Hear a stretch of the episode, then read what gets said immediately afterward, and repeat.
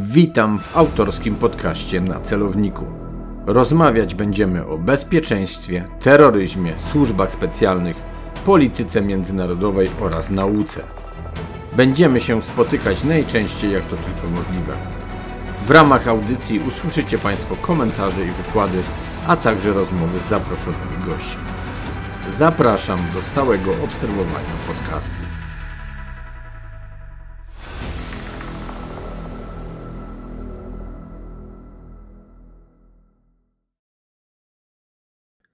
Przy mikrofonie Artur Dubiel, Wyższa Szkoła Bankowa.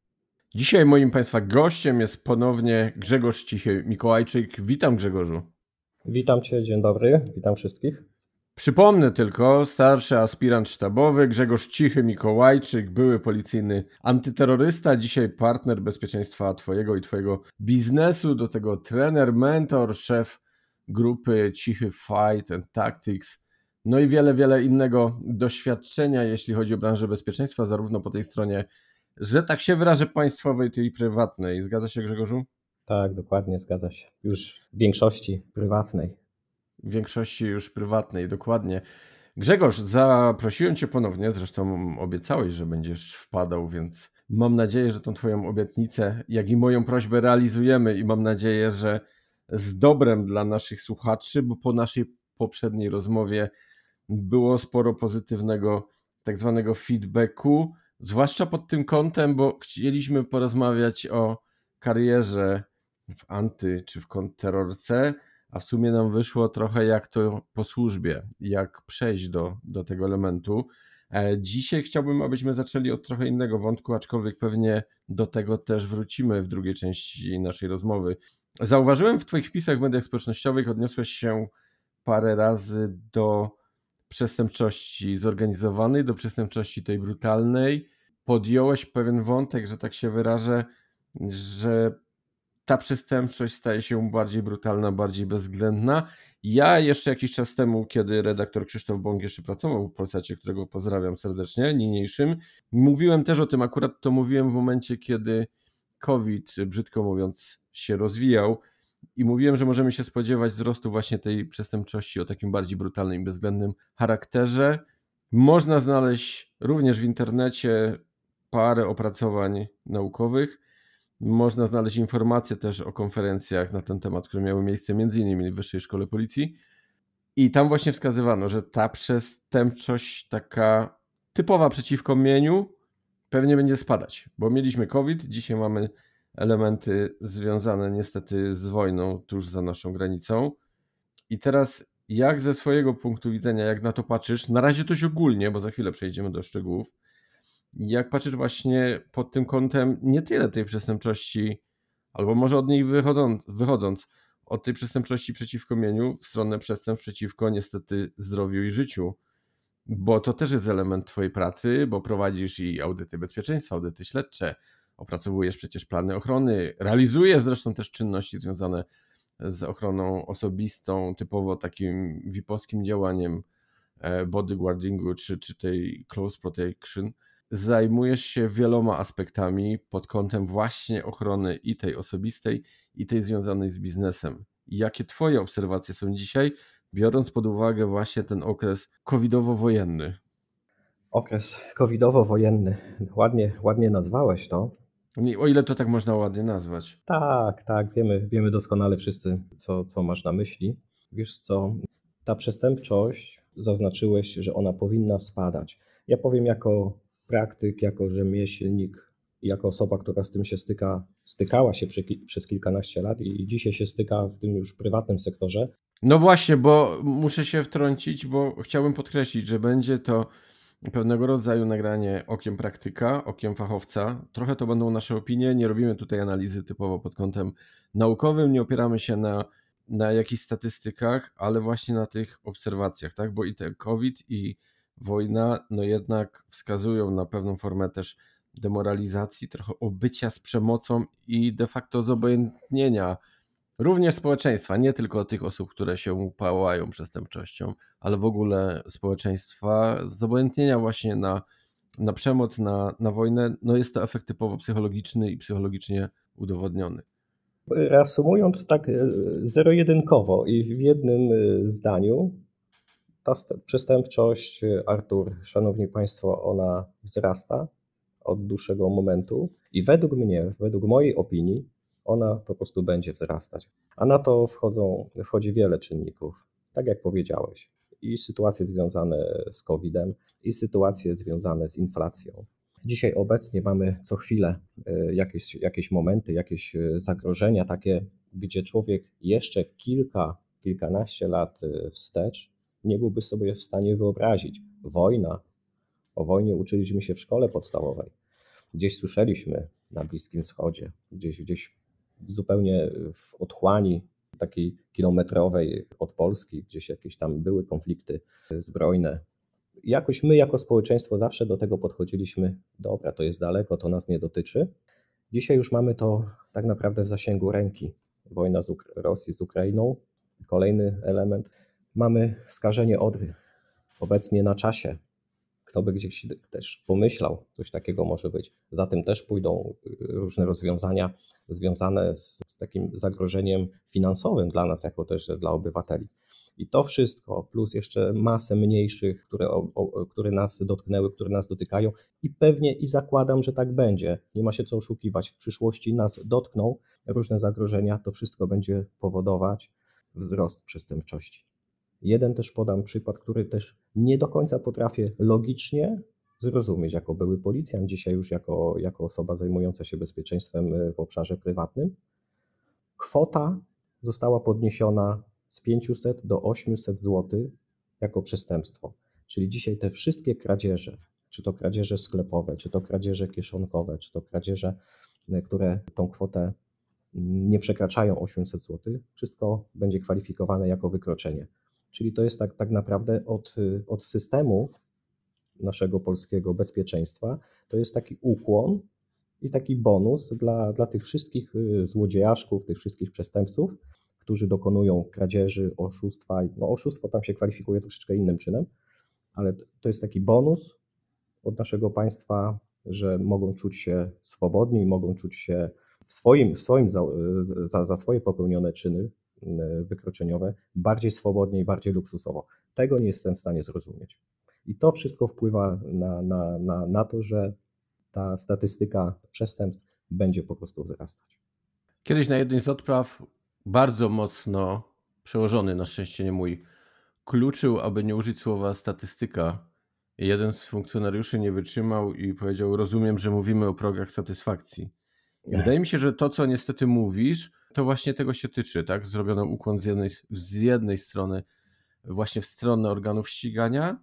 Pamiętam też kiedyś próbę zresztą kradzieży, no że tak powiem, koło mojego domu i też niestety policjanci robili wszystko, aby, aby jak najniższą wartość wykazać e, tego, co po części zostało ukradzione, a de facto była to próba kradzieży czegoś, czegoś większego.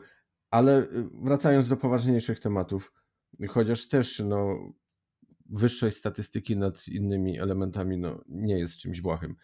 Powiedziałeś o wojnie, która była kiedyś daleko, wspomniałeś Bliski Wschód. Mi to też się trochę kojarzy z innym bliskim nam tematem, czyli z terroryzmem. Ja cały czas powtarzam, że kiedy w kapciach oglądamy przed telewizorem, to jakoś wszystko jest ok, tak? O tej przysłowiowej, bo zazwyczaj to mówię, bomba na targowisku gdzieś w Bagdadzie, tak? Dla nas jakoś strasznie daleko.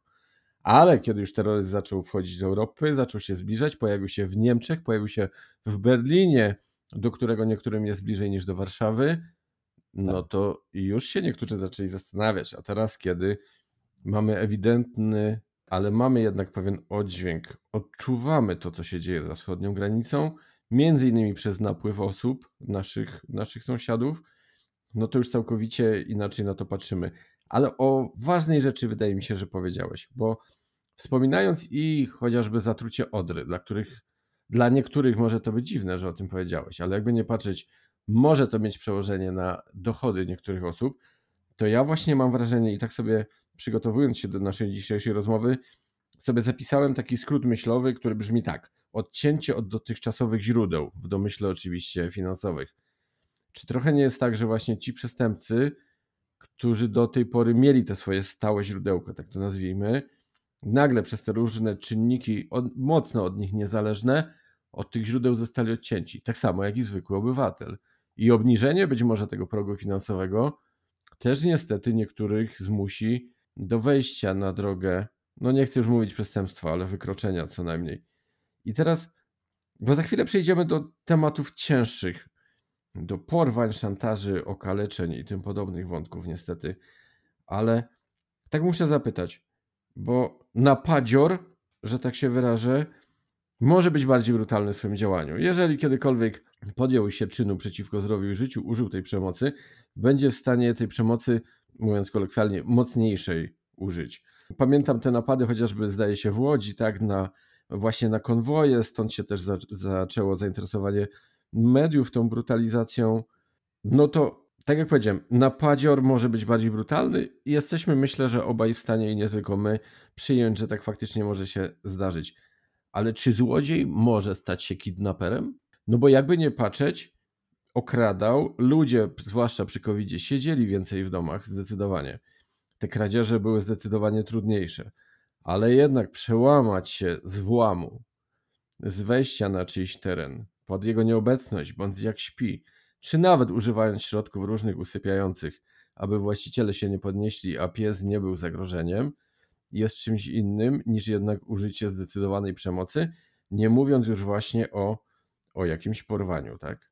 Dobrą rzecz poruszyłeś. Z mojego doświadczenia pamiętajmy, że członek zorganizowanej grupy przestępczej, czy, czy, czy już później taki członek takiej barbarzyńskiej, zorganizowanej grupy przestępczej, którzy popełniają te najcięższe przestępstwa, pamiętajmy, że oni zawsze od czegoś zaczynają. To jest tak jak z narkotykami. Zaczynasz od, od y, miękkich, przechodzisz na twarde i nawet nie wiesz, kiedy już jesteś y, w tej całej procedurze, że już po prostu musisz brać. Tak samo każdy, większość. Ja jestem daleki od statystyk, ale patrząc już tak statystycznie, zero-jedynkowo, y, zrozumiale dla, dla każdego obywatela, w większości przypadków każdy przestępca zorganizowanej grupy, bo zorganizowana grupa to już jest to już taka już mocna, mocna kwalifikacja, od czegoś zaczyna. Mało jest przestępców, którzy są prawymi obywatelami i nagle przechodzą z dnia na dzień na tak mocno destrukcyjne e, przestępstwa, które popełniają i których się dopuszczają.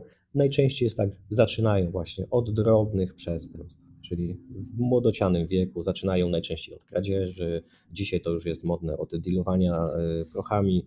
Skuteczność, egzekucja e, systemu prawnego jest na tyle dzisiaj mało skuteczna, że czują się coraz bardziej bezkarni. Tego jest e, masę, tego jest bardzo dużo. Kulejący system e, e, troszeczkę i policyjny, i prokuratorski, i sądownictwa. To wszystko ma wpływ na to, że ci ludzie po prostu rosną w siłę. I w pewnym momencie przechodzą już na tą drogę taką mocno zorganizowaną, że już tworzą się już gangi, tworzą się grupy, tworzą się już takie zorganizowane, już takie jednostki mocno przestępcze, gdzie już właśnie idąc dalej, to co wspomniałeś wcześniej, że już zaczynają, już, już ich nie zadowala już kradzież, załóżmy, czy to sklepowa, czy kradzież kieszonkowa, tylko już idą po prostu po większe środki finansowe, czyli już bardziej już takie już kompetencje mocno twarde. I tu już powstaje mocne zagrożenie, no, które dzisiaj jest no, znacznie dużo zauważalne, no i niestety system z tym walczy. To też nie jest tak, że system e, z tym nic nie robi. Policja z tym walczy, jak najbardziej z tym walczy i, i, będzie walczyć, tylko nie wiem, czy ma na tyle wystarczających sił, środków, żeby temu zapobiegać, bo ta skala tej przestępczości, ona narasta. Ja będę to powtarzał. Ona nie stoi w miejscu, nie spada. Ona po prostu narasta i ona będzie narastać. A powiedz mi, bo specyfika jakby przestępczości, do której właściwie dzisiaj dążymy w naszej rozmowie, czyli mówimy o bezpieczeństwie osobistym, nie tyle bezpieczeństwie biznesu, co wynikającym właśnie bezpieczeństwie osobistym, czasem właśnie z tego biznesu z racji prowadzonych interesów, posiadanego majątku, bądź wizerunku posiadanego majątku, bo to nie zawsze jedno z drugim idzie jakby w parze. Ma to bardzo duże przełożenie, jakby nie patrzeć to życie prywatne z tym zawodowym.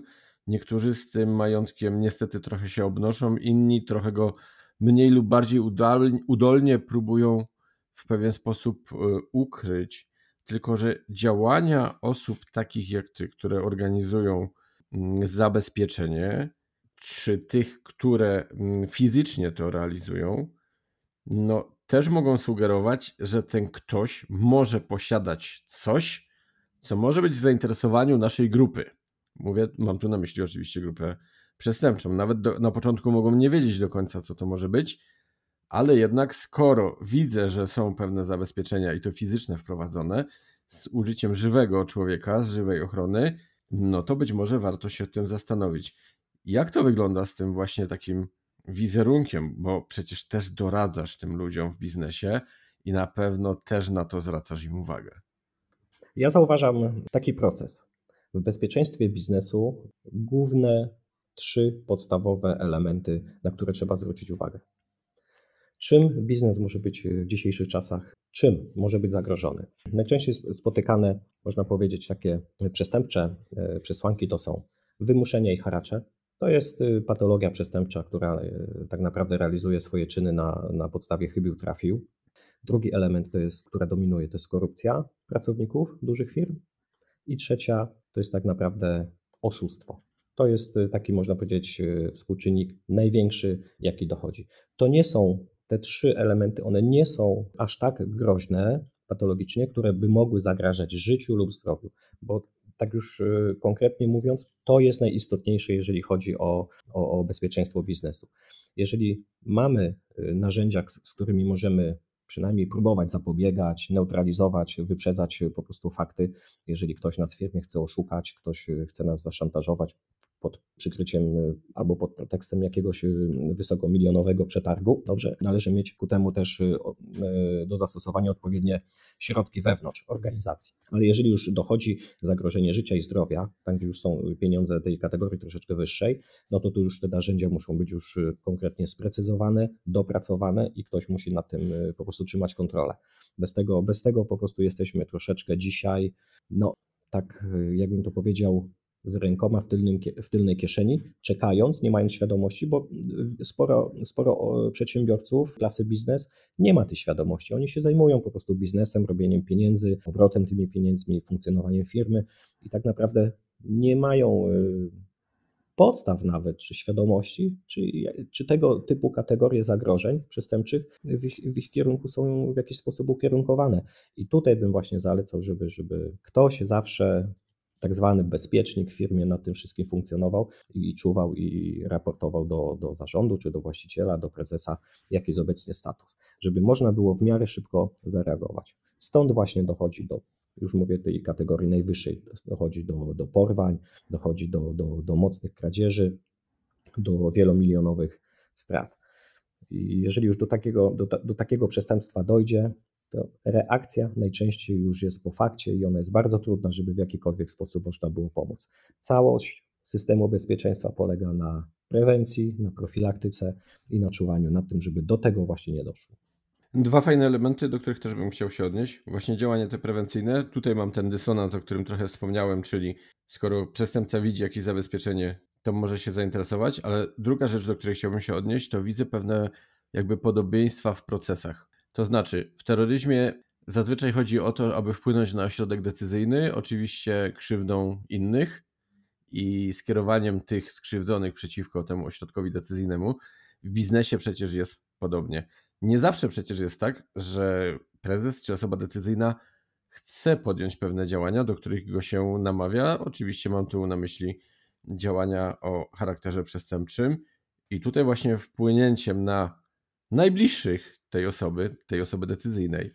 Czyli właśnie przez porwanie, przez zastraszenie skrzywdzeniem możemy na taką osobę wpływać. No i wspomniałeś niestety, ale że ten aparat państwowy nie do końca zapewnia, zapewnia pewność, nie wiem jak to inaczej ująć, bezpieczeństwa, bezpieczeństwa danej osoby, a na końcu i tak ta osoba się dowie, no weź pan sobie zapłać i ktoś się prywatnie panem zajmie. I wtedy, stety, niestety, pojawiasz się ty ze swoim doświadczeniem, profesjonalizmem, ludźmi i sprzętem.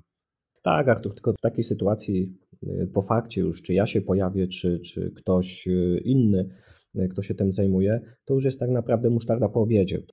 Jeden przypadek tak naprawdę znam, gdzie trzymając się już specyfiki porwań czy uprowadzeń, w Polsce były dwa przypadki, że temu samemu człowiekowi dokonano uprowadzenia podwójnego. w większości, e, pozostałe 99,9% to jeżeli coś takiego się wydarzy, to się wydarzy tylko raz. Dzisiaj w Polsce naprawdę mamy bardzo dużo osób y, bogatych. Jeszcze więcej mamy osób, którzy, których można naprawdę białą kartką zweryfikować, czy są pieniądze, czy nie. To są ogólnie dostępne darmowe narzędzia. Wystarczy wejść w KRS, y, zeznanie, zeznanie roczne spółki i wiemy, jaki jest obrót, jakie są pieniądze. Zwykłe, najprostsze narzędzia białego wywiadu. De facto. Najprostsze, dokładnie, najprostsze. I my wiemy, z kim mamy do czynienia. Grupa przestępcza też, zanim dokona jakiegokolwiek ataku na taką osobę, e, jakiegokolwiek, też e, prowadzi obserwacje, też weryfikuje, też e, upewnia się, czy jest jakiś system zabezpieczenia i tak dalej. Dlatego ja mocny nacisk kładę na, na, na prewencję i na profilaktykę, że dzisiaj dla zorganizowanych grup przestępczych, którzy w ten sposób pozyskują środki finansowe, pokazanie prewencyjne, że jest osoba, która zajmuje się bezpieczeństwem, że jest ochrona, że jest ktoś, kto dba o tą rodzinę, o ten biznes. Ta osoba pewnie przez zorganizowane grupy też będzie zweryfikowana. Jeśli okaże, że to, nie wiem, były żołnierz, były policjant, jakiś komandos, cokolwiek, jest to osoba mocno rekomendowana, czyli ten system bezpieczeństwa jest w tej firmie, w tej rodzinie wdrożony. Uwierz mi, grupy przestępcze tak w cudzysłowie, machają ręką i przerzucają się po prostu na, in, na inny podmiot biznesowy, czy na inną, e, na inną osobę biznesową, bo tego w Polsce dzisiaj jest tak dużo, niby jest troszeczkę biedota, niby, niby jej nie ma, to jest tak troszeczkę ze skrajności skrajność, ale w obecnych czasach majętnych ludzi, których można zweryfikować, że są pieniądze w domu, czy są pieniądze w firmie, zaszantażować, czy, czy uprowadzić członka rodziny, czy dokonać jakichkolwiek innych procesów przestępczych, jest na tyle dużo, że ta swoboda wyboru jest dzisiaj dla grup przestępczych bardzo komfortowa i, i zero-jedynkowa do, do wyboru. Dlatego jeszcze raz zaznaczę, prewencja, grupa przestępcza, która podejmuje obserwacją i chcą zrobić najazd tak zwany na, na daną osobę czy na daną firmę, wie, że jest, jest tam system bezpieczeństwa i ktoś nad tym czuwa, nie wchodzą w, problemy niepotrzebne, przerzucają się na taką firmę, która tego systemu po prostu nie ma. Ja bym tak się trochę odniósł do popkultury i amerykańskiego kina. Jest kilka filmów ze znanymi aktorami, którzy się tak dość, bym powiedział, jednoosobowo zajmowały ochroną właśnie nie tyle biznesu, co rodziny przy biznesie. Oczywiście no tam to szło dość, bym powiedział, hardkorowo. U nas realia są trochę inne. Na potwierdzenie, no też niedaleko mnie był przypadek, że akurat ochrona właśnie ujęła, tak to nazwijmy, osoby, które jeździły i tak naprawdę lekko zmodyfikowaną kamerą nagrywały otoczenie, sprawdzając, które urządzenia alarmowe chociażby i monitorujące są urządzeniami prawdziwymi, a które są atrapami. Tak, oni też przeprowadzają testy na swój sposób. Tak. Dokładnie, tak. dokładnie. O bardzo ważnej rzeczy powiedziałeś, czyli o obserwacji. Tak jak zdarza się i są już opracowania również naukowe na ten temat, że przestępcy kont wykrywcze prowadzą działania, tak tutaj ich działanie, ich obserwacja również może zostać wykryta. I tutaj też bardzo duża rola osób, które zawodowo tym się zajmują i działają na korzyść oczywiście bezpieczeństwa Twojego klienta. Oczywiście, że tak. Dzisiaj technologia, technika, elektronika daje nam takie możliwości, że tak jak wspomniałeś, jednoosobowy system bezpieczeństwa, czyli jedna osoba dbała o bezpieczeństwo i biznesowe firmy, i bezpieczeństwo też członków rodzin. Odpowiadając na pytanie, uważam, że jest to możliwe. Przy doborze odpowiednich y, narzędzi elektronicznych, technologicznych, jesteśmy w stanie zbudować, można powiedzieć, przyzwoity. Ja nie powiem, że dobry, że bardzo dobry, ale przyzwoity system. Ten minimum jesteśmy w stanie zrealizować. Przedsiębiorcy jeszcze, zwłaszcza tej kategorii wiekowej, troszeczkę, którzy już rozkręcali biznesy w latach 90., 2000 po dzień dzisiejszy, jeszcze spotykam się z tym, że mają taką świadomość, że żeby wziąć, wziąć ochronę, y, zbudować system bezpieczeństwa, to są potwornie duże koszty. Kiedyś faktycznie tak było. Kiedyś ochrona osobista to, była, to było jeden, dwa dodatkowe samochody, dziecko szło do szkoły, ochroniarze stali, wszyscy wiedzieli. To działało prewencyjnie super, no ale każdemu trzeba za to zapłacić i tak dalej. Dzisiaj y, te systemy troszeczkę się zmieniają. Są oczywiście systemy jawne, że trzeba się pokazać, jak najbardziej, jeżeli są ku temu przesłanki, ale w większości, w większości przypadków to, co ja robię, to zabezpieczamy po prostu osoby y, w systemie niejawnym. Tak naprawdę nikt nie wie, oprócz naszej osoby, którą, której mamy zapewnić bezpieczeństwo i osób postronnych, a głównie nam zależy na, na grupie przestępczej, czy ta ochrona jest, czy jej nie ma. My wchodzimy dopiero wtedy, kiedy jest jakieś rzeczywiste zagrożenie, podejrzenie. Audytujemy sobie obszar wokół, audytujemy ludzi, audytujemy po prostu wszystkie, wszystkie środki, które są gdzieś, które mogą być potencjalnie powiązane do przyszłego jakiegoś y, zaistniałego w przyszłości niebezpieczeństwa, które może gdzieś tam nas spotkać. I to były, to, to, to były duże środki. Dzisiaj tak naprawdę myślę, że to też jest istotne y, dla słuchaczy. Dzisiaj dobry system przepraszam, przyzwoity system bezpieczeństwa z odpowiednią osobą, która taki system stworzy. Każdy klient jest inny, każdy inny wymagania, ale to nie są naprawdę jakieś takie duże pieniądze, jak to było w latach 90. czy, czy jeszcze w 2000. Jestem mocno usatysfakcjonowany, że użyłeś słowa system, bo właśnie o to chciałem tak naprawdę za chwilę zapytać, właściwie teraz. System coś na pewno bardziej rozbudowanego niż jednoosobowy zespół szturmowy, ale tak. mówiąc całkowicie poważnie, bezpieczeństwo jest ma ten swój problem, że tak naprawdę mm, trzeba zawsze te chronione dobro przeliczyć właśnie na, na środki. No przy życiu rachunek raczej jest, mówiąc brzydko, dość prosty i dość, dość brutalny. Grzegorz, ale jeśli chodzi o porwania, o ich próby, o szantaże i straszenie wystąpieniem przeciwko właśnie zdrowiu i życiu, tych prób, przynajmniej z Twoich informacji mówimy, powiedzmy o nieoficjalnych, też się przecież obracamy się w pewnych kręgach, wymieniamy się pewnymi informacjami. Pewne informacje mamy, które nie zawsze ma też policja, albo przynajmniej nie ma ujętych w oficjalnych statystykach. Próby, ile jest niezgłaszanego tego wszystkiego. Zazwyczaj chodzi o zdobycie kasy, a nieraz być może, i być może tu jest oczywiście w cudzysłowie, kwestia konkurencji i bardzo mocnej, nieczystej walki mocnej, nieczystej walki. Nie jest to, nie jest to klasa premium, ale, ale takie sytuacje się zdarzają. Ja najbardziej ubolewam nad tym, że no, próby uprowadzeń, porwań do, do zaistniałych faktycznych sytuacji no, nie można porównywać. No, próba zawsze będzie próbą.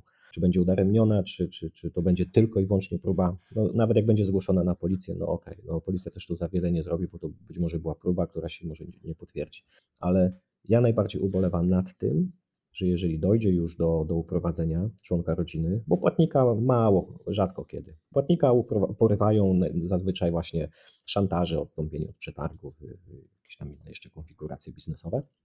Jeżeli chodzi o, o uprowadzenie członków rodzin, no ośmielę się nawet powiedzieć, że w większości przypadków, bo ta skala też, żeby nie, nie wyolbrzymiać problemu, ona nie jest znowuż aż taka duża, tego, to, to się nie dzieje codziennie, ale jednak się dzieje to w większości przypadków nie są zgłaszane. Dlaczego nie są zgłaszane?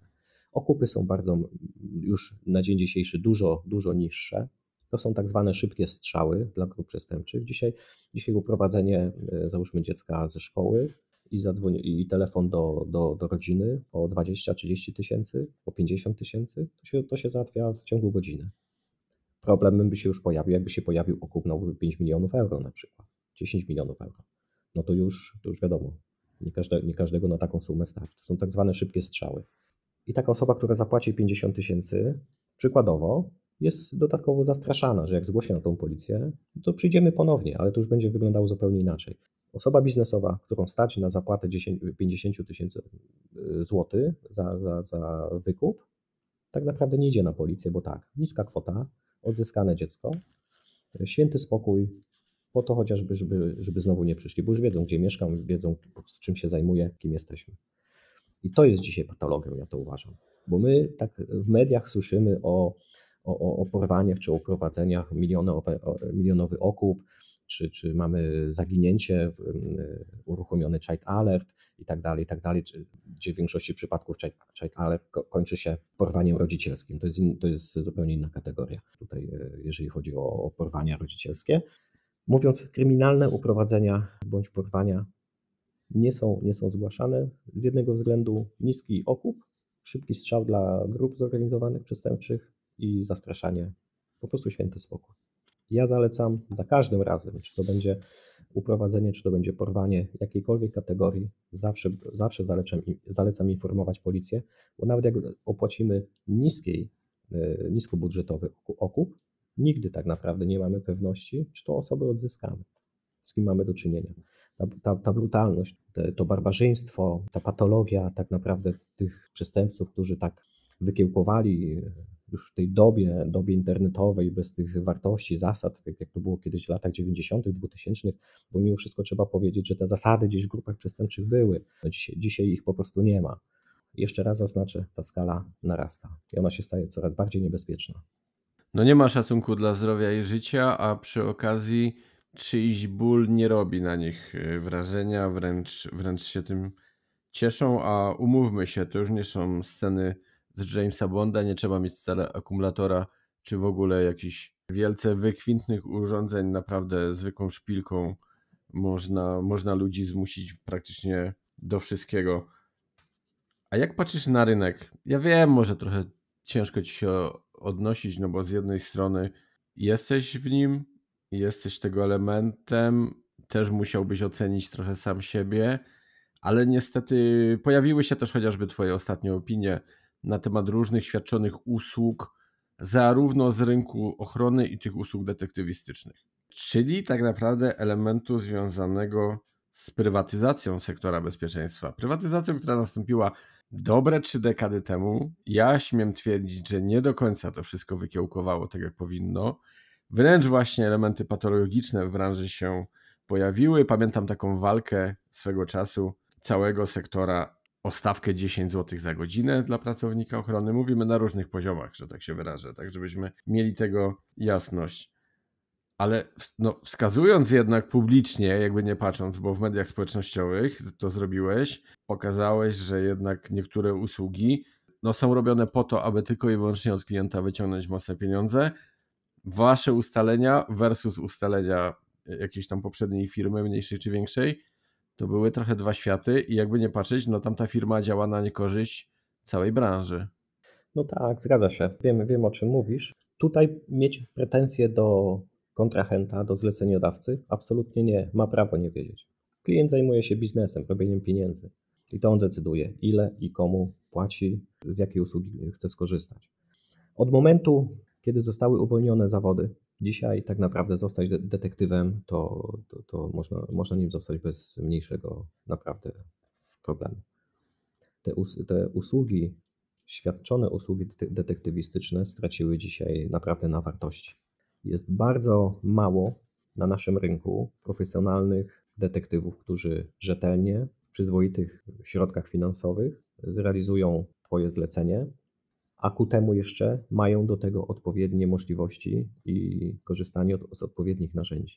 Dzisiaj raporty są tak, po zakończeniu usługi są tak pięknie pisane, tak pięknie są opracowywane, że klient jak czyta, to tak naprawdę nic z tego nie wynika, a ma świadomość, że się coś dowiedział.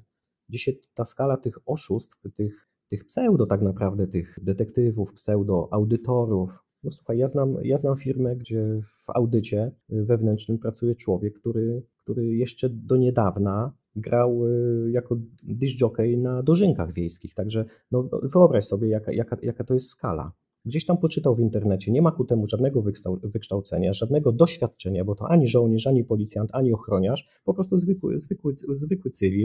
y, grajek taki, można powiedzieć, weselny, a realizuje zadania e, audytowe w firmie, które, które mają. De facto one są bardzo proste, bo jakby się podejrzewam, zderzył z taką naprawdę problemem kategorii premium, no to, no to nie sądzę, żeby sam, e, sam po prostu dał radę. I od momentu właśnie uwolnienia zawodów bardzo dużo, duży wysyp jest tych takich taksówkowych detektywów, nie, obraca, nie, nie obrażając absolutnie taksówkarzy, bo, bo kierowcy taksówek są, są potrzebni są, i bardzo dobrą robotę wykonują, ale tak porównuję, że to są tej kategorii po prostu, bo dzisiaj być taksówkarzem to tak samo masz ochotę dzisiaj zostać detektywem, to zostajesz, masz ochotę dzisiaj zostać taksówkarzem, zostajesz i z tym nie ma żadnego, najmniejszego problemu. Ludzie, którzy mają gadane, którzy mają gdzieś tam obycie e, takiego, takiej literatury przeczytanej w, in, w, internecie, no to potrafią gdzieś tam zalawirować, zmanipulować po prostu kontrahenta, który jednak się zdecyduje na ich usługi. A zleceniodawcy nie mają takiej wiedzy, nie mają możliwości, nie mają osoby e, tak zwanego bezpiecznika, który może taki audyt e, zweryfikować. I tutaj też jeszcze chcę zaznaczyć, że ja znam naprawdę setki detektywów, którzy są bardzo dobrzy, którzy, są, którzy wykonują robotę na, na bardzo wysokim, profesjonalnym poziomie, ale niestety ta skala tego bylejactwa jednak przewyższa. Także dzisiaj, jeżeli ktoś by chciał skorzystać z usług detektywistycznych, jakichś audytorów śledczych do rozwiązania jakiegoś problemu, czy osobistego, czy w firmie, no zalecałbym, żeby mocno, mocno uzyskać rekomendacje i, i zweryfikować po prostu y, taką osobę. Poruszyłeś element, który też za chwilę właśnie chciałem się do niego odnieść, czyli między innymi kwestia uwolnienia zawodów. Miało być taniej, miało być lepiej. Rzekłbym, że wyszło jak zwykle po polsku, tak? Kwestie licencji, koncesji. Dzisiaj właściwie tylko wpisów. Firmy oczywiście dalej się muszą koncesjować, ale to też nie są już te wymagania co kiedyś. I trochę się powtarzając, mamy trzy dekady i mam wrażenie, że z jakością do końca nie idziemy do przodu. Bo jeżeli odetniemy od całej branży, i mam tu na myśli oczywiście e, branżę i security, i, i usług detektywistycznych, to jeżeli odetniemy ten poziom top, czyli tych, którzy no czasem za niemałe pieniądze świadczą swoje usługi, ale na odpowiednim poziomie, no to cała reszta, ta masowa, taka, niestety czasem trochę nie chcę nikogo obrazić, ale dzieje się czasem na sztukę. I teraz pytanie, czy tak naprawdę branża, która miała się sama wyregulować, ma jeszcze te szanse, aby się wyregulować? Bo no, trwa to zdecydowanie za długo, czy odcinając niestety ten sektor premium, tak, to ta reszta jednak podoła. No bo przecież to było wskazywane, że to może być wsparcie w ogóle w całym systemie bezpieczeństwa narodowego, że jak coś się wydarzy, że ci ludzie są przeszkoleni, mają dostęp do środków przymusu, broni i tak dalej, i tak dalej. Czy musimy zostać przy wątpliwościach, czy jakaś nadzieja jednak jest? Ja to tak trochę z tą nadzieją, to tak, tak bywa, bywa, bywa różnie. Nadzieja ci chleba nie da, nadzieja ci rachunków e, nie opłaci. Każdy orze jak może. Zapytałeś, czy ona się sama ureguluje? Ja uważam, że nie. Ona się popsuje jeszcze bardziej, ona się rozreguluje jeszcze gorzej. Ona już jest rozregulowana. Można ją ewentualnie przeregulować, ale mój model polega na tym, że nie wszyscy wszystko wiedzą. Jeżeli y, mówimy dzisiaj, y, naszym tematem jest bezpieczeństwo biznesu, to prezes firmy, właściciel czy zarząd mają prawo się nie znać. U nich się pojawia problem, oni szukają odpowiedniej osoby, która ten problem rozwiąże. I tutaj bardziej ja kładę nacisk na to, żeby takie przedsiębiorstwo, taka firma, jak ma w abonamencie swojej obsługi, na przykład prawnika, który rozwiązuje wszelkie spory, jakieś problemy prawne, powinna też mieć bezpiecznika. Ale Grzesiu, muszę wejść zdanie, chociażby u nas na uczelni próbowaliśmy trochę iść w stronę takiej wręcz specjalności, jak menedżer bezpieczeństwa. Szukaliśmy dobrej nazwy, stanęło na tym. No, są duże podmioty również światowe, które też są w Polsce obecne i coś w rodzaju tego takiego szeryfa próbują instalować, aczkolwiek poza pojedynczymi właściwie przypadkami, poza największymi firmami, poza oddziałami w Polsce dużych podmiotów, ja mam wrażenie, że trochę ten projekt nie do końca się przyjmuje. To jest wina trochę przedsiębiorców, którzy tego nie rozumieją i jeżeli mają na czymś zaoszczędzić, to zazwyczaj zaczyna się od bezpieczeństwa, bo brzydko mówiąc, sprzątaczka nie zostanie obcięta, bo nawet jeśli ktoś ją zwolni, to ktoś inny przejmie jej zadania, bo ta podłoga musi być czysta, za przeproszeniem. Nie ujmując oczywiście tej ciężkiej tak naprawdę pracy, to jednak zaraz potem idą cięcia w bezpieczeństwie. I to jest wszystko znowu do czasu, gdzie tak jak powiedziałeś, zazwyczaj klientów niestety masz tych, którzy zgłaszają się post factum. Tak, jeszcze my jako społeczeństwo, jako właściciele firm, przedsiębiorstw, jeszcze uważam, nie dojrzaliśmy do tego. Zbyt za mało się jeszcze dzieje. A z drugiej strony wcale się też nie dziwię, że dzisiaj są cięcia w, najczęściej w obszarach ochrony. Dzisiaj ochrona jest tak popsuta rynkowo, przez co taki właściciel, który zatrudnia firmę ochroniarską, selekcjonując, zwróć uwagę, każda dzisiaj, tak naprawdę każda, którą nie wygooglujesz, zatrudnia. U nas pracują byli kromowcy, byli antyterroryści, byli policjanci, powiem Ci szczerze, w skali ilości firm ochroniarskich w Polsce, a w skali ilości y, byłych żołnierzy czy byłych policjantów, po prostu tych ludzi ze, związanych ze służbami po prostu by zabrakło. Po prostu to jest jeden wielki farmazon, to jest jedno wielkie oszustwo. Bo tak naprawdę bierze firmę, weryfikuje się, że u nas pracują borowicy, antyterroryści i tak dalej, fajnie to brzmi, a de facto jak walczysz o, o stawkę, czy to będzie 10 y, zł na godzinę, czy to będzie 10,50 za godzinę, to tak naprawdę sam doskonale widzisz i wiesz, i ludzie, którzy nas słuchają, też to widzą i wiedzą, właściciele firm, kto u nich na tej bramie stoi i za ile. To jakie oni mogą mieć wątpliwości? idą po taniości. Ja się wcale temu nie dziwię, bo sam bym tak zrobił. Ale jeżeli już zahaczamy strukturę tą już wewnętrzną, mocno taką wie, życia i zdrowia e, właścicieli, członków rodzin i, i biznesu, no to tu już, to tu już się nie, tu już nie bierze się udziału w przetargach, żeby bezpiecznika wy, wy, wygrać przetargowo. Tu już trzeba naprawdę już zasięgnąć mocnej opinii i, i, specjalistyczną osobę, która o to wszystko zadba, mocno zweryfikować i ewentualnie zatrudnić. To nie musi być osoba, która przyjdzie na etat. To może być na zasadzie outsourcingu. To jest modne i dzisiaj to jest w miarę skuteczne i sprawdza się taki model. Bo nawet ta jedna osoba, która zajmuje się w sumie bezpieczeństwem, a jest jednym z elementów trochę oczywiście większego wspomnianego już systemu, może to dziwnie zabrzmi i trochę nam odbierze, że tak się wyrażę, ale jednak. Kuma ta osoba funkcjonująca w czymś większym, niekoniecznie właśnie w relacjach na, na etacie, to mamy tak, kapitał ludzki, który nam jest potrzebny, sprzęt, technika, współpraca właśnie z innymi i tak naprawdę nowoczesne narzędzia, które są ogólnodostępne, pozwalają naprawdę zbudować solidny, bo szukałeś dobrego słowa, jak go określić, system, system jakiś wewnętrzny w jakiejś, w jakiejś instytucji. Ale skupmy się na tej jednostce ludzkiej. Dla kogo dzisiaj jest ta robota? Bo mówimy głównie oczywiście o mundurowych. Zastanawialiśmy się w 23 odcinku podczas naszej poprzedniej rozmowy, podczas nas, na, naszego poprzedniego spotkania. Może nie tyle zastanawialiśmy się, co rozmawialiśmy na temat, jak właśnie osoba, która planuje odejść do cywila, ma się do tego przygotować, w którą stronę pójść, no bo też nie każdy mundurowy przecież nada się do tej roboty. Zarówno przy tym zabezpieczeniu fizycznym, przy tej takiej, no nie chcę powiedzieć, że klasycznej ochronie, bo mówimy o czymś trochę wyżej, jak i w tych usługach detektywistycznych, które bardzo często są mocno skomplikowane, a często i z tą kwestią ochrony też przecież związane.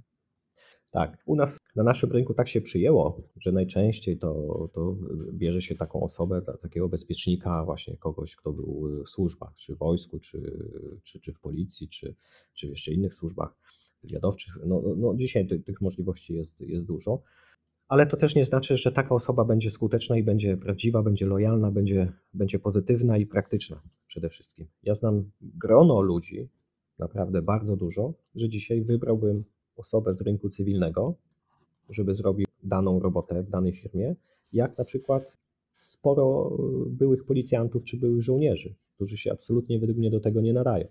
Także u nas tak się przyjęło, żeby to byli właśnie ludzie po służbach, ale, ale wcale tak być nie musi, bo jest naprawdę rynek mocno nasycony specjalistami, fachowcami, ekspertami z rynku cywilnego, którzy tą robotę zrobią tak samo dobrze, a nawet w większości przypadków ośmielę się powiedzieć, że nawet lepiej.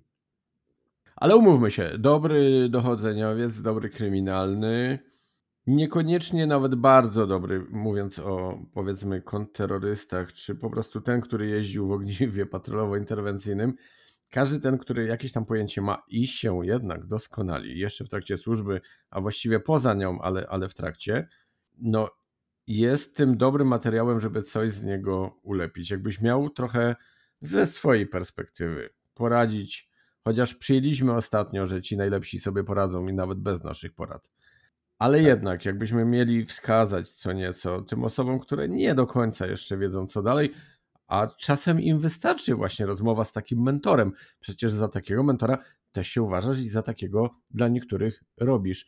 Więc postaraj się teraz przez chwilę taką osobą się też stać dla tych, których po drugiej stronie mikrofonu, a głośnika nie widzimy, ale jednak chcieliby też tej twojej, tą twoją opinię poznać, na czym w sumie powinni się skupić, w którą stronę pójść, żeby do tej, do szerokiej branży wejść, bo tak jak przed chwilą powiedzieliśmy, no, no dobra, ja powiedziałem, jednak i ta ochrona, i ta ochrona, ochrona mm, nazwijmy to klasy premium, i te usługi detektywistyczne, tak jak wspomniałem, to wszystko się czasem przy niektórych przecież projektach czy zleceniach przenika, w którą stronę pójść, żeby móc się przydać i być przede wszystkim dobrym w tym, co się robi. Tak, żeby być dobrym, trzeba troszeczkę czasu poświęcić na to i tak naprawdę nigdy też nie można się uważać, że jestem, że jestem dobry, bo wiemy, że całe nasze życie to jest y, nauka. Ale tutaj zwróciłbym mocną uwagę, jeżeli ktoś planuje, ktoś widzi perspektywy w tą branżę wejść, jest na przykład, to nie wiem, możesz ty zaproponować, mogę ja zaproponować. Powiedziałeś policjantem z Wydziału Kryminalnego. Przede wszystkim Jeżeli chcesz wejść w tą branżę w, w sektorze prywatnym, biznesowym, musisz na bieżąco śledzić rynek, musisz na bieżąco śledzić zapotrzebowania, problemy, y, rozwiązania, wszystkie nieprawidłowości, jakie powstają. I delikatnie przechodząc, musisz przekwalifikowywać swoje umiejętności, swoją wiedzę zdobywać. Dlaczego? Bo ty odchodząc ze służby, na przykład jako, jako policjant y, kryminalny, ty już masz doświadczenie oszustwa, kradzieże i tak dalej. To, co wszystko jest związane. Czy to i, i na ile ty tą wiedzę jesteś w stanie przełożyć? Po prostu takie pytanie należy sobie zadać, na ile moją wiedzę jestem w stanie przełożyć, znając rynek y, ochrony, znając rynek bezpieczeństwa, znając rynek biznesowy, co mogę zaproponować. Jeżeli są jakiekolwiek braki, powinienem iść w tym kierunku i się kształcić. Zobacz, ja jako były antyterrorysta, ja ułożyć strukturę dla pracowników ochrony, dla mnie to nie był problem. Postawić ich, zdyscyplinować, powiedzieć, jakie, jakie kto ma zadania, i na końcu zagrozić palcem i powiedzieć, niech mi się tylko ktoś tu prześliśnie, prawda? Bo wiedziałem, jak to zrobić, jak wyegzekwować dyscyplinarnie i też finansowo. No, w służbie to było dyscyplinarnie, no, w biznesie trzeba troszeczkę ludzi motywować też i pieniędzmi, bo wiadomo, to już jest rozrachunek na swój własny. Ale jak zacząłem śledzić i pilnować tego rynku, zaczęły się pojawiać od jakiegoś momentu oszustwa, wyprowadzanie pieniędzy. No i dostaję pytanie, ja jako były antyterrorysta, co ja się mogłem znać na oszustwach finansowych, na fakturach, na fakturach proforma, na, na fikcyjnych umowach i tak dalej, i tak dalej, na systemach, czy to na, na SI, czy to na SAP-ie. Co ja mogłem się na tym znać, jak ja nie umiałem tego obsługiwać? Zacząłem też rozwijać swoje kwalifikacje. Jedna sprawa, druga sprawa, trzecia, praktyka, samokształcenie jeden sukces, drugi sukces. Także dzisiaj, dzisiaj oszustwa w przedsiębiorstwach, okradanie po prostu prezesów, właścicieli firm, dzisiaj są moim takim, można powiedzieć, większym konikiem jak sam antyterroryzm, bo antyterroryzm znam od, od A do Z. Ja już tam, ja już tego śledzę co, co, co nowego, e, ewentualnie i to nowe nie zawsze jest skuteczne już według mnie, ale rozwijam swoje po prostu kompetencje i cały czas się uczę. Modna dzisiaj też są elementy e, korupcyjne, jak dzisiaj, jak, jak handlowcy potrafią oszukiwać e, swoich pracodawców na, na, na widełkach marżowych. No przecież to, to, to jest dzisiaj plagą. To, to wszystko, no wszyscy zarabiają po drodze, w tym całym łańcuchu pokarmowym, gdzie na szczycie jest właściciel, na, a na dole jest ten pracownik ochrony, który przez tą bramę wpuszcza i wypuszcza. To, że ktoś sztabkę miedzi wyniesie wartą tam 50 zł, to to nie oznacza, że, że, że to jest wielki sukces, bo ten wielki sukces to jest najczęściej po środku i dzisiaj, dzisiaj ja to wiem, ale ile ja musiałem czasu, miesięcy, lat poświęcić na to, żeby do tego dojść, do tego, żeby to praktycznie rękoma dotknąć, żeby kilkanaście takich spraw rozwiązać, to jest cały czas samokształcenie. Dzisiaj nie załatwi problemu to, że ktoś poszukuje byłego policjanta na bezpiecznika, bo taki bezpiecznik, który przyjdzie do danej firmy, zbuduje system, załóżmy na przykład ochrony, to musi mieć świadomość, że za chwilę dostanie też od, od swojego pracodawcy pytania, być może jakieś zlecenia kategorii zupełnie innej, z którą być może sobie nie poradzić. Dlatego to samo kształcenie, śledzenie rynku i, kontrola zapotrzebowań dzisiaj w sektorze biznesowym, prywatnym jest bardzo istotna. Co się, co się w danym momencie dzieje. Dziękuję za Twoją wypowiedź. Do dwóch rzeczy chciałbym się odnieść. Myślę, że też każdy, który to rozpatruje, powinien też się zastanowić, czy aby na pewno w tym swoim drugim życiu zawsze będzie kreatorem. Raz, czy się do tego nadaje, czy ma też do tego predyspozycję, bo jeden będzie wykonawcą, a drugi będzie tym, który będzie to wszystko właśnie tworzył. I ten drugi element, no też z tym powiązany, ale nasz wspólny znajomy kiedyś powiedział, że szefem służby różnej, tak w cudzysłowie, może być ktoś, kto nie do końca o tym wszystkim ma pojęcie, ale ma być dobrym menadżerem. Od tego ma zastępców, Dokładnie, którzy tak. pion pionowo będą specjalistami w swojej dziedzinie. Oczywiście może się to trochę kłócić z koncepcją kierowania a dowodzenia, tak? bo to, to są dwie różne kwestie, ale jednak no musimy mieć świadomość, że albo, znaczy świadomość, musimy mieć pewną też wizję własnej przyszłości, czy chcemy robić coś nie tyle sami w pojedynkę, ale jednak no, stania się jakimś tam przedsiębiorcą, czy chcemy wejść już w organizację istniejącą? To nie jest nic złego, Artur.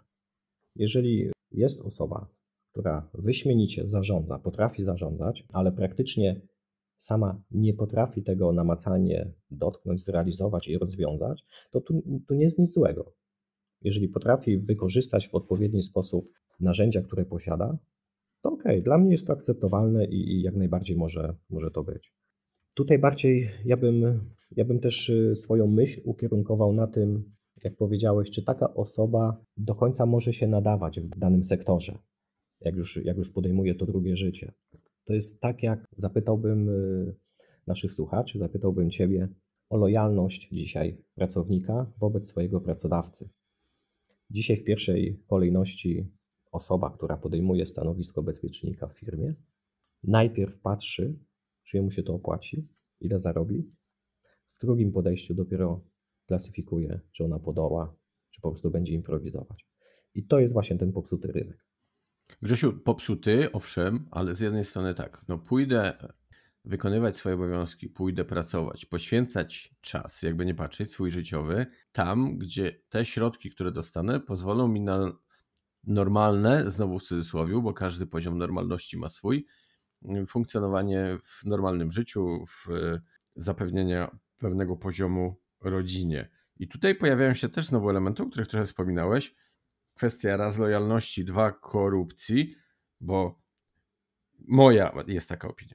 Dobrze opłacony pracownik, zwłaszcza w newralgicznych elementach, jeśli chodzi o funkcjonowanie danej organizacji, pracownik usatysfakcjonowany ze swojej pracy, doceniany nie tylko finansowo. Czasem fajne poklepanie po ramieniu i powiedzenie dobra robota też wystarczy. Nie będzie się zastanawiał, co właściwie mam zmienić, bo mi tutaj czegoś brakuje. I to nie zawsze będzie wynikało z braku kompetencji tej osoby, e, tylko czasem niestety z relacji międzyludzkich i traktowania tego pracownika. Więc wydaje mi się, że odpowiednie zadbanie o pracownika będzie też wpływało na jego lojalność i nawet jak dostanie propozycję, która dla innych wydawałaby się złota, to on powie nie, ja tego nie zrobię. Mówimy oczywiście o tych złych występkach. Tak, z mojego, z mojego doświadczenia powiem Ci. Więc to może nie będzie to do końca miłe, profesjonalne, co powiem, mhm. ale łatwiej mi mówić wprost, bez ogródek, niż owijać cokolwiek w bawełnę, żeby ktoś po prostu źle mnie nie zrozumiał. Z mojego doświadczenia i z tego, co obserwuję rynek i śledzę go bardzo mocno, dzisiaj lojalny pracownik i to wszystko, co wymieniłeś, to jest taki pracownik, który jest na swoim własnym rozrachunku. Czyli wystawia swojemu zleceniodawcy fakturę za usługę. On wie, co się z tym wiąże, prowadząc dzisiaj działalność. Podatki, ZUSy, trzymanie i tak dalej. Ale to są też inne elementy, bo jakby nie patrzeć, wejdę ci trochę w wypowiedź, to będzie też osoba, która, no też znowu trochę może mało dyplomatycznie mówiąc, jest trochę lepiej zorganizowana od innych i nadaje się na tego lidera. I to jest strzał w dziesiątkę to, co powiedziałeś. Osoba natomiast, która jest y, przyjęta na etacie, po pewnym czasie wchodzi schemat takiej monotonii, standaryzacji. I ja dzisiaj nie spotkałem się z przedsiębiorcą, który jest wypalony zawodowo, a ludzi, którzy są na etatach, którzy są wypaleni zawodowo, znam masę. Ale to jest wina też rutyny, która też zabija no, i jest zagrożeniem tak. w bezpieczeństwie, Dlatego, tak? Jeżeli zadałeś mi pytanie, wiesz, o, o lojalność, o skuteczność i, i, i, jaki pracownik, tak mówiąc wprost, który byłby lepszy, według mojej analizy i oceny, ja skupiłbym się na pracowniku, który jest na własnym rozrachunku, bo on po prostu będzie zasuwał, żeby utrzymać siebie, utrzymać rodzinę, utrzymać po prostu działalność gospodarczą, którą prowadzi. Będzie mu na tym zależeć. Nie będzie miał czasu na wypalenie zawodowe. A biorąc kogoś na etat, po dwóch, trzech latach standaryzacji, monotonii, nic się nie dziania w firmie złego, to wypalenie wychodzi i przychodzą główne pomysły do, różne pomysły do głowy i, i taki pracownik już no, jest mniej wydajny, mniej efektywny, a jak ekonomicznie, no to no, no, no, no różnie to może być. Każda firma jest inna. Grzegorz, broń Boże, nie negując tego, co powiedziałeś, do jednej rzeczy chciałbym się odnieść. Znam wiele osób e, i przedsiębiorców, i na etatach, i w branży bezpieczeństwa, i w tej państwowej, i w prywatnej, i w innych również. I to wszystko, że tak powiem, zależy. Bo tak, znam przedsiębiorców, którzy mówią, że mają już dosyć, bo to jest kwestia ZUS-ów, księgowości, płatności, wysyłania, egzekwowania i tak dalej, i tak dalej. Jedni prowadzą firmy jednoosobowe, inni zatrudniają ludzi i tak, ci, którzy są, mają swoje firmy, chcą, chciałyby najchętniej iść na etat, ci z etatów mówią, a ja bym to, tę firmę albo jej wycinek poprowadził lepiej. Tu też jest taki, no gdzieś tam się kłania chyba ludzka psychika, co?